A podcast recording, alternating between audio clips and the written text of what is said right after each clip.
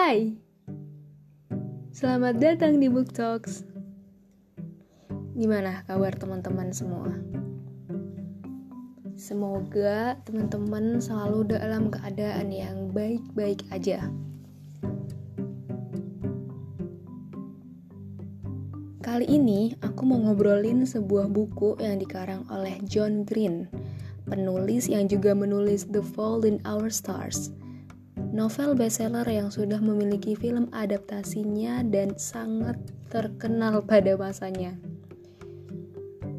John Green sering mendapatkan penghargaan atas karya-karyanya seperti Prince Medal, Prince Honor, dan dua kali menjadi finalis LA Times Book Prize. Lalu pernah dinobatkan dua kali juga oleh majalah Times sebagai salah satu dari 100 orang paling berpengaruh di dunia. Judul yang mau aku bahas malam ini adalah Turtles All the Way Down. Adalah sebuah novel romance yang enggak terlalu diekspos sisi romansnya.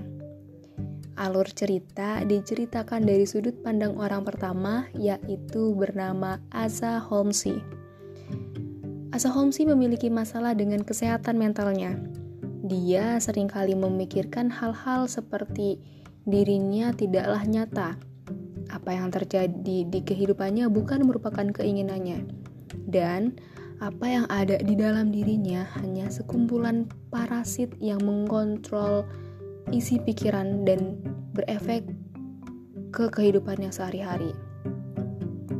Semua kekhawatiran yang dirasakan oleh Azza Homsi terus ada di tiap detiknya dan dia susah untuk mengontrol itu. Ketika dia mau menyadarkan bahwa dirinya itu nyata, dia akan menekan jari tangannya yang sudah luka agar dapat merasakan sakit. Di samping itu, dia sangat menjaga kebersihan dirinya, terutama di jari yang sudah terluka tersebut, karena bagi Asa, kalau jari tangannya sampai terinfeksi, maka hal fatal akan terjadi karena parasit akan semakin berkembang biak dan akan semakin menggerogoti pikirannya. Di cerita ini Azhar rutin pergi ke psikiater yang bernama Dr. Singh. Tapi Azza nggak rutin minum obatnya karena dia merasa dengan meminum obat itu maka pikirannya akan dikontrol oleh hal-hal lain yang otomatis bukan atas kehendaknya sendiri. Di samping semua permasalahan tentang mentalnya, Aza mempunyai sahabat yang 24 jam dalam satu minggu setiap waktu selalu menemani Aza. Namanya adalah Daisy. Nah, cerita ini dimulai ketika Daisy mengusulkan sebuah ide untuk mencari Russell Pickett. Russell Pickett adalah bilioner di tempat mereka tinggal yaitu Indianapolis yang menghilang secara misterius.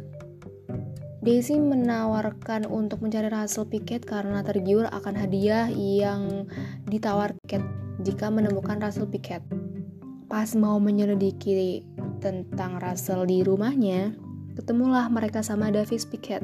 Davis Pickett ini adalah anak tertua dari Russell Pickett yang merupakan teman masa kecil Azam. Ya, mereka memang sudah kenal sebelumnya. Singkat cerita, Davis tahu kalau Aza dan Daisy lagi cari kabar tentang ayahnya yang hilang.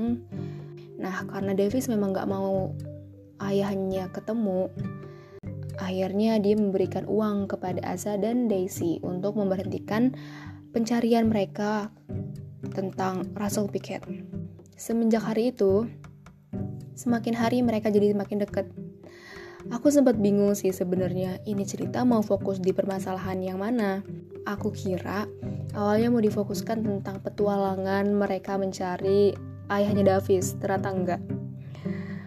Fokus ke romance antara Davis sama Aza juga enggak. Cerita ini lebih banyak ekspos tentang Aza dan permasalahan yang ada di pikirannya dan gimana dia ngasih impact ke orang lain. Semakin hari mereka jadi makin deket. Daisy memiliki pasangan yang satu yang satu kelas dengan dia. Lalu Azan dan Davi juga semakin dekat. Mereka terlibat di sebuah hubungan yang tidak memiliki label. Sampai puncaknya, Daisy yang biasa menulis fanfic tentang Star Wars yang di cerita tersebut ada satu tokoh yang mirip dengan Atsa akhirnya dibaca oleh Atsa. Tokoh itu digambarkan sebagai orang yang gak punya empati karena terus berpusat sama, sama dirinya sendiri tanpa melihat orang lain. Dia adalah mood breaker dan membuat semuanya gak penting kecuali dirinya. Sampai-sampai Daisy menuliskan bahwa dirinya ingin tokoh Aza ini menghilang. Habis baca cerita tersebut, Aza shock parah dan pas ketemu Daisy dia nggak bisa kontrol dirinya. Bertengkarlah mereka pas pulang sekolah. Aza yang nggak ngerti kenapa sahabatnya yang selama ini dia kira baik-baik aja dan menerima keadaan dia ternyata punya pikiran kayak gitu. Daisy yang mencoba menjelaskan dari sudut pandangnya juga kesusahan karena Aza terus menolak untuk mendengarkan. Mereka kecelakaan ketika Aza menyetir ngebut banget di jalan tol. Aza masuk rumah sakit dan pas dia sadar, dia mencoba untuk mendengarkan penjelasan dari Daisy. Akhirnya mereka baikan. Singkat cerita, Aza sudah sembuh dan Aza jadi tahu dia belajar bahwa uh, dia perlu untuk menunjukkan rasa kepedulian dia kepada orang lain karena orang lain nggak bisa baca kepikiran kita walaupun di dalam hati kita di dalam pikiran kita kita peduli dengan orang tersebut kita tahu permasalahan mereka kita tahu apa yang menjadi concern mereka tapi kalau kita nggak nunjukin otomatis orang lain nggak akan tahu dan orang lain akan berasumsi bahwa kita tidak peduli sama mereka. Setelah itu, Aza dan Davis hubungannya semakin membaik walaupun Aza terus menolak Davis untuk masuk ke kehidupannya. Tapi dia mulai membuka pintu dirinya untuk membiarkan Davis masuk. Namun, ketika Suatu malam, Asa Daisy dan pacarnya Devi dan pacarnya Daisy sedang datang ke sebuah pameran di bawah tanah. Mereka menemukan seperti mayat yang diduga Russell Pickett. Akhirnya, Azam memberitahu ke Davis bahwa dia menemukan hal itu dan semua keputusan dikembalikan ke Davis. Apakah Davis mau memberitahukan ke polisi atau tidak? Dan ya, di ending Davis memberitahu ke polisi dan ayahnya itu sudah meninggal. Lalu Davis memutuskan untuk pindah kota karena dia mencoba untuk mencari suasana baru dengan adiknya.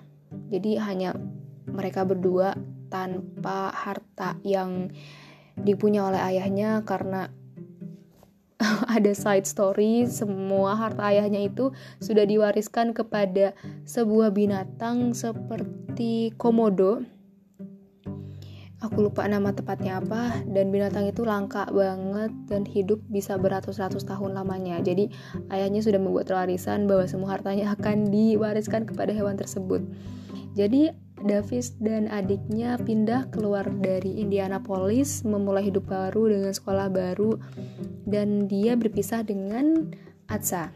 Sudah setelah itu, hmm, tidak ada yang setelah itu Azza kembali ke kehidupannya. Dia bersiap-siap untuk masuk universitas, masih berteman baik dengan Daisy dan masih kontekan sama Davis. Dan cerita selesai.